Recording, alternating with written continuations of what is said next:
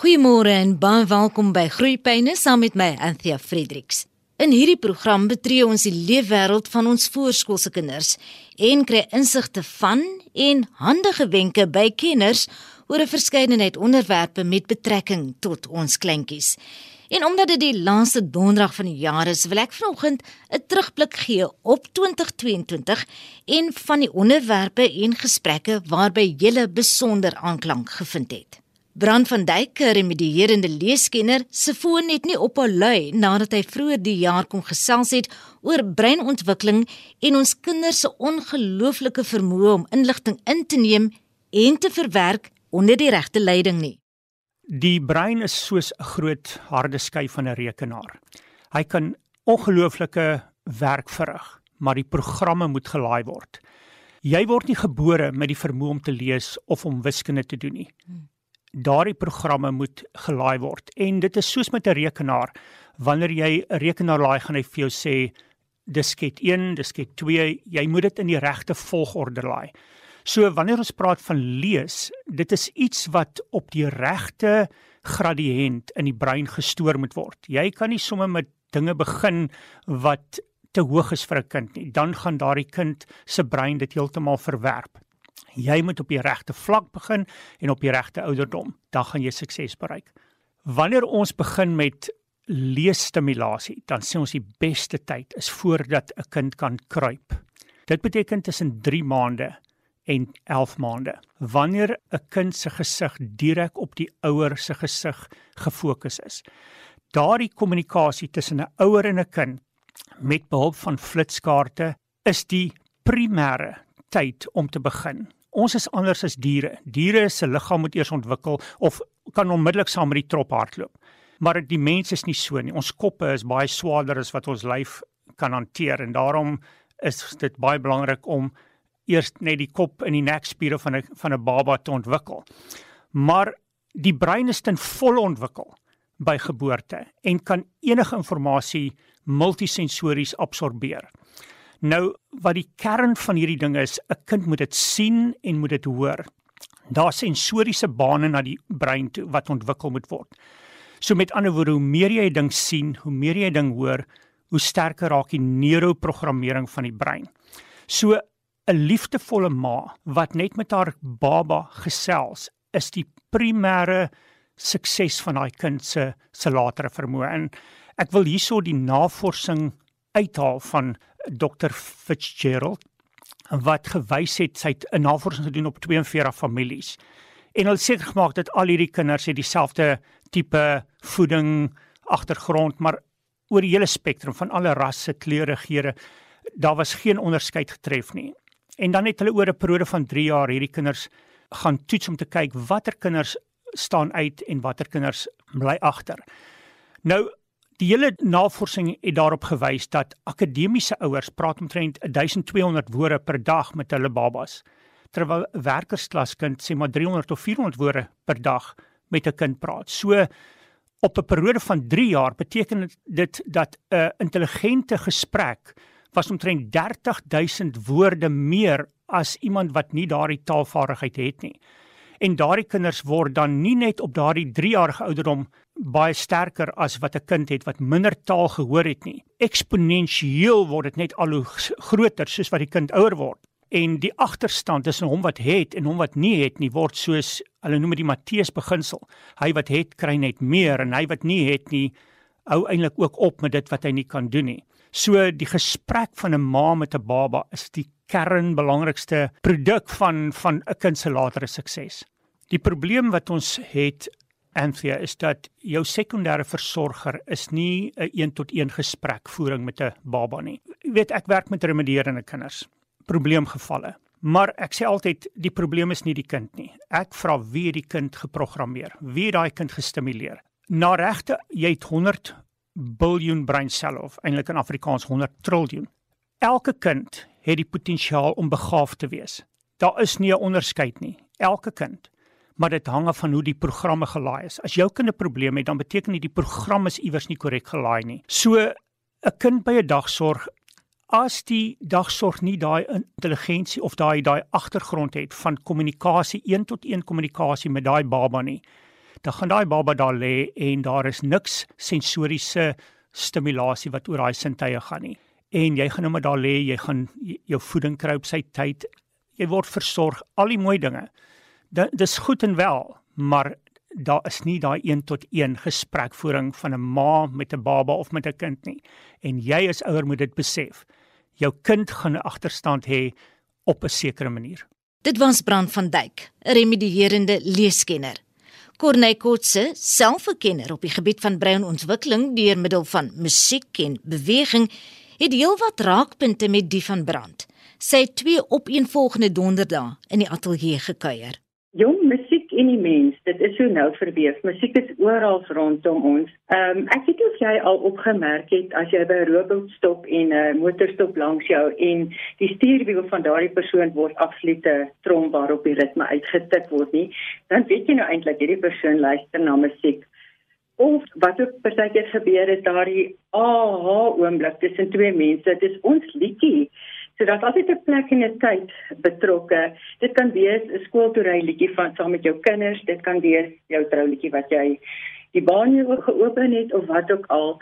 En dan is daar nog 'n nog 'n scenario wat kan gebeur soos 'n liedjie wat jy nou moet luister, wat jy nou nie eintlik nogal baie van hou nie, dan sê die kinders vir jou, "Wag net tot die middeldeel, mamma. Die middeldeel, hy gaan dit dan sit mooi." Dit is 'n struktuur. So iewers word 'n deeltjie in die brein geaktiveer om hierdie reaksies te veroorsaak. En uh dis wat ons eintlik graag by ons kinders wil hierdie positiewe uh reaksies wat wat volg op iets wat geaktiveer word deur middel van musiek. So, as ek nou vir jou 'n netedop kan sê, ons doen breinstimulering en breinontwikkeling deur middel van musiek en beweging vir babas vanaf 3 maande tot by kleuters 6 jaar. Eintlik uh, bou ons nuwe en ons versterk daai reeds gevestigde breinpaadjies of neuronetwerke. So hierdie lekker stewige en sterk paadjies word die kleuters se vaardighede uiteindelik. Maar ongelukkig is die swakker paadjies dalk die rede vir hulle leeruitdagings in die skool en in die leerproses. So ons wil hulle regtig help met musiek en beweging. Presies, werk dit so jy het al baie gehoor mense sê as musiek gespeel word gaan al die breinliggies aan. Maar wat beteken dit nou eintlik? Mens moet eintlik mooi daaroor dink. So as ons die antwoord op hierdie vraag wil hê, moet ons eers die breinfunksies verstaan om sin te maak hiervan. So ons moet weet van hoe lyk die breinfunksies, wat gebeur in die brein as musiek dan nou speel. So dis belangrik dat ons die vlakke van die brein net ook ehm um, ken, soos ek gaan hulle sommer so kortliks noem. Eerste vlak is 'n fisiese vlak uh dis die vensterperiode van 'n kind is omtrent geboorte tot ongeveer 14 maande en al die lyfievaardighede soos die spiertjies en die sintuie word hier geaktiveer. Dan die tweede vlak van die brein is die emosionele sosiale vlak. Die vensterperiode ongeveer kom ons sê 15 maande tot 4 jaar. Die terrible twos is natuurlik in die middel, soos jy weet. Maar in my musieklaat praat ek eerder van the terrific twos. Dit verskuif nog van die persepsie net na positiewe ehm um, goed wat daar uitkom. So wat gebeur hierso? Die hartjie, die emosies en die sosiale deeltjie van die kind word hierso gestimuleer en gevorm. En dan die boonste vlak is die kognitiewe of die dinkvlak. Die vensterperiode hiervan is ongeveer 4 jaar en ouer. So dit is waar voorbereiding vir leergereed in skool gereed vir al plaasvind. Goed, kom ons begin dan by die fisiese gedeelte. Dit is die lyfie. So aktiwiteite vir hierdie vlak is alles wat met die lyfie te maak het. So ons doen lyfie, liggaamskaartwerk, ons doen liggaamsherkenning, ons werk met balans, ruimtelike oriëntering met ander woorde rigtings. Ons werk op die groot spiertjies wat ontwikkel voor die fyn spiertjies. Ons kyk na middellynkruising natuurlik alles op die maat van musiek en beweging. So dit is ons dit is ons goue draad wat dwars deurloop. So musiekaktiwiteite wat hier plaasvind is byvoorbeeld impulsbeheer van beweging stop, beweeg soos verskillende diertjies of vervoermiddels, beweeg in verskillende rigtings vorentoe, agtertoe, op en af. Jy kry die idee, nê? Nee? So allerlei bewegingsspeletjies om die fisiese dan ook te stimuleer. Die tweede vlak wat ons dan nou kry is die emosionele deeltjie van die brein. Dit is presies wat dit wat dit sê. So die klein ding moet goed voel oor homself sodat hy kan goed voel oor die maatjies rondom hom. En dit is gewoonlik die kleuterskooljare. Dit is baie belangrik dat hulle emosioneel goed gestimuleer word en daai baadjie sterk gevorm word. En dit is eintlik iets wat jy nie kan toets nie, maar uh, wat belangrik is vir die grootskool en vir die lewe vorentoe. So, hoeveel keer sê ouers nie, "Oeg, hulle baba of hulle kleuter hou baie van musiek want hulle beweeg die hele tyd as hulle musiek hoor." So wat is dit nou eintlik? So volgens navorsing is dit veral die hormoon dopamien wat afgeskei word tydens musiekaktiwiteite. Dit is 'n goedvoel hormoon wat jou kleutertjie op daardie oomblik emosioneel positief laat voel. So dit is ook wat die baba soms ek sê dit sou sommer net tong en kies laat dans voor hy kan loop. Die genot van die musiek, die emosionele implikasie van die musiek, laat daai spiertjies skielik reageer en in beweging kom al is dit eintlik nog heeltemal refleksief en ongestruktureerd maar daar's genot in. Ek voel goed oor die musiek wat baie belangrik is. So aktiwiteite vir dit is soek en vind. Dit moet lekker om gekry te word. Dis hoekom wegkrippertjie so lekker is nê. Nee. so ons kan op die maat van musiek wegkrippertjie ook speel want dit is lekker om gesoek te word en gevind te word. Ons kan ook met 'n maatjie dans of in 'n groep waar ons spasie deel want om spasie te deel is 'n sosiale vaardigheid. So ons leer dat ons moet doen wat almal doen en wat is nou lekkerder om 'n valskerm almal saam vas te hou en te beweeg. En dan natuurlik um, om dan ook te dans of te beweeg of 'n instrument te bespeel soos wat die musiek jou laat voel. So die emosionele deeltjie is werklik nogal ook 'n groot fokuspunt. En dan kom ons by die derde vlak, dis die kognitiewe vlak van die brein of die dinkbreintjie waar die besluitneming dan nou plaasvind. Hier is waar persepsies uh, gevorm word. Nou persepsie beteken om dit wat ek voel, hoor of sien en dit wat ek ontvang om dit te kan verstaan. So ek moet my taal kan gebruik, ek moet probleemoplossings kan doen. Ek moet goed voorberei wees vir formele lees en skryf. So ons gebruik ongelooflike auditiewe wat beteken luister en dan ook visuele om dan ook die sien van 'n aanhalingsteken van musiek en van persepsie dan ook te stimuleer. So dit is hoe dit prakties dan ook dan nou toegepas kan word. Dit dan Corneil Kotse, 'n kenner op die gebied van breinontwikkeling deur middel van musiek en beweging. Jy luister na Groeipyne en hierdie week kyk ons terug op van die gaste en die onderhoude wat ons deur die loop van die jaar op die program gehad het. Sommige programme het deel wat meer reaksie as ander uitgelok en vanoggend herkou ons daaraan. Ek het so 'n paar juweeltjies uit die argief gaan haal om weer na te luister. Daar is nou nie volle gesprekke nie, maar wel van die juweeltjies wat van ons gaste kwyt geraak het. En daar is een onderwerp wat ouers, versorgers en onderwysers nie genoeg kan beklemtoon nie. Die belangrike rol wat lees speel. Hannetjie Verwoerd, 'n spraak- en taalterapeut, is ontsettend passievol oor lees en ons het oor twee programme hieroor gesels.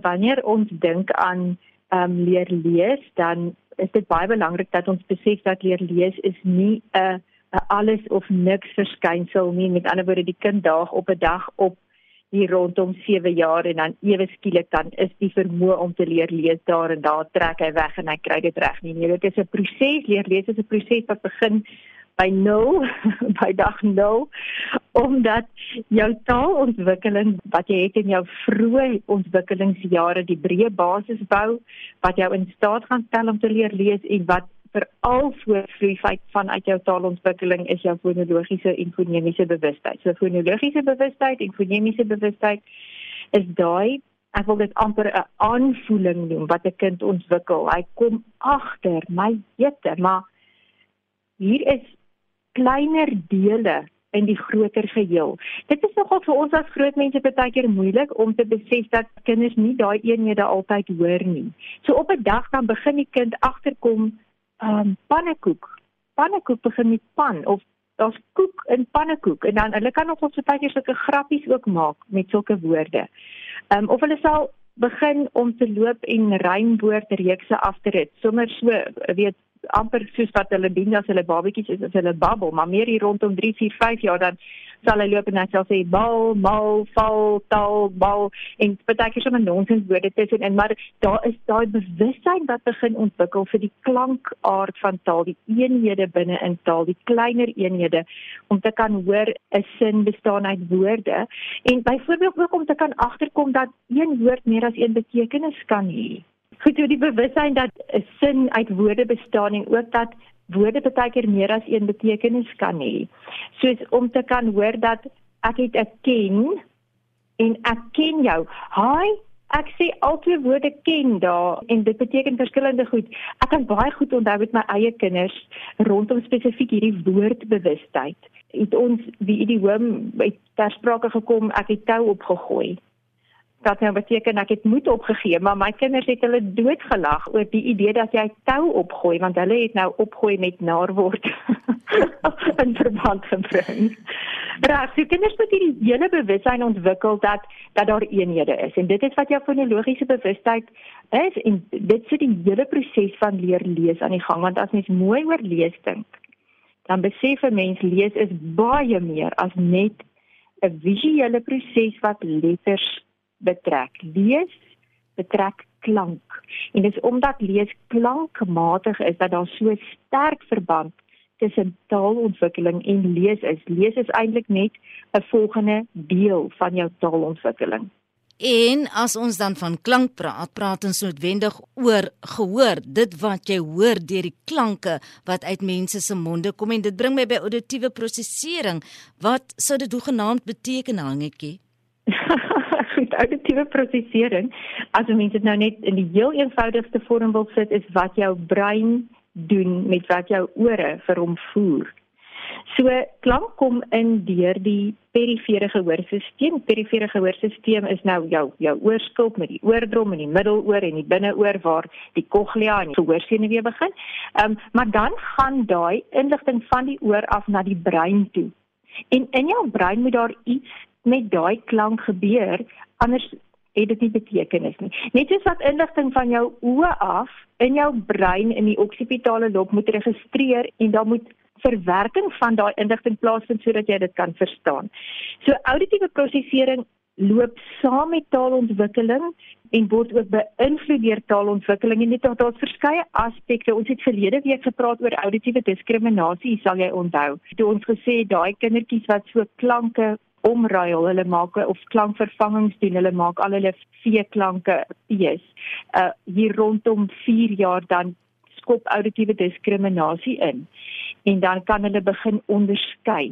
So jou auditiewe proseseringsvermoë is 'n klomp verskillende vaardighede in die grysstofdeel van jou brein in die korteks. Um, en hierdie inligting van die gehoorstelsel af van die perifere gehoorstelsel af loop 'n hele lang paadjie onder in die breinstam in reg op deur die witstof van die brein op 'n pad en dan moet dit hier in die korteks en die grysstof verwerk word. En allerlei patroonanalises doen jou brein met daai inligting. Jou brein begin byvoorbeeld nou hierdie fyn onderskeidings eh, vermoë ontwikkel om te kan hoor 'n m en 'n n en 'n ng is drie verskillende klanke. Dis klanke wat kinders baie keer as dieselfde hoor of om 'n en 'n van mekaar te onderskei. Ehm um, of om 'n en 'n van mekaar te onderskei. Aanvanklik hoor die brein nie daai fyn verskille nie, maar soos wat die auditiewe proseseringsvermoë ontwikkel, kry die brein al hoe meer die vermoë om fyn goed te hoor. Met ander woorde, dit noem ons auditiewe diskriminasie. En so gesels spraak en taalterapeut Hannetjie verwoord. Maar ons het darm nie net op die akademiese sy van ons kinders se ontwikkeling gepraat nie. Daar's heelwat terapeute wat op 'n holistiese manier kindwees makliker wil maak en met meer ernstige uitdagings ons kinders help, soos musiekterapeut Anja Pollard. Anja, hoe bekend is die Suid-Afrikaanse samelewing met musiekterapie en die voordele wat dit inhou? Antjie, ek dink ons het al 'n redelike naam gemaak vir onsself. Ons het 'n wonderlike groep professionele mense wat saamwerk om hierdie dissipline te ontwikkel en 'n spesifieke Suid-Afrikaanse toepaslike manier van werk ook ontwikkel. Want ons het baie 'n unieke situasies in ons land en ehm um, ag dit is lekker om deel te wees van hierdie groep wat oor meer as 21 jaar al opgelei word by die Universiteit van Pretoria. So ek dink meer en meer begin mense bewus raak van die waarde van musiekterapie. Dis ook 'n terapie wat nie indringend is nie, nê, nee, en dit werk sekerlik omdat musiek universeel is. Ja, dit is nie indringend nie want mens kan dit so geweldig sensitief aanpas vir elke kliënt se spesiale behoeftes.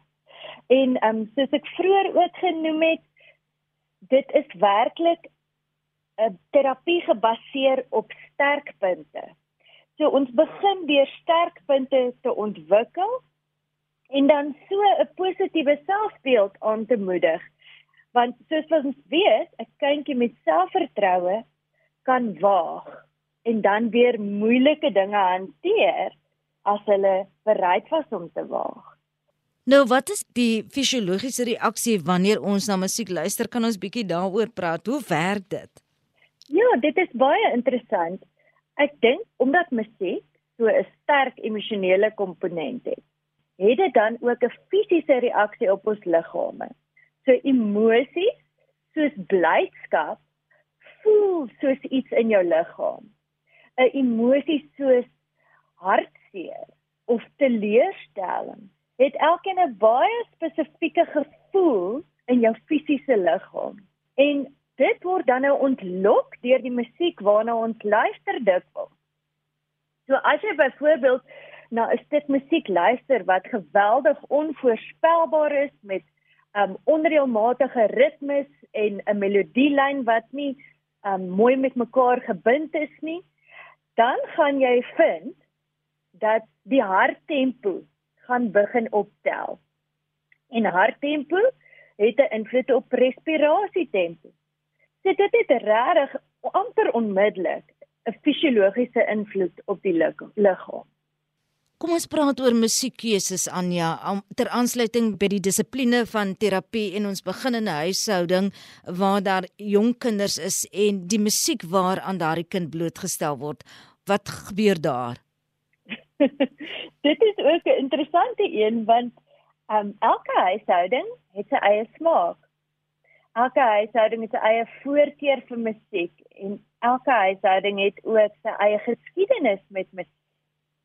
En elkeen van hierdie komponente bring weer iets besonders um, na die huishouding toe.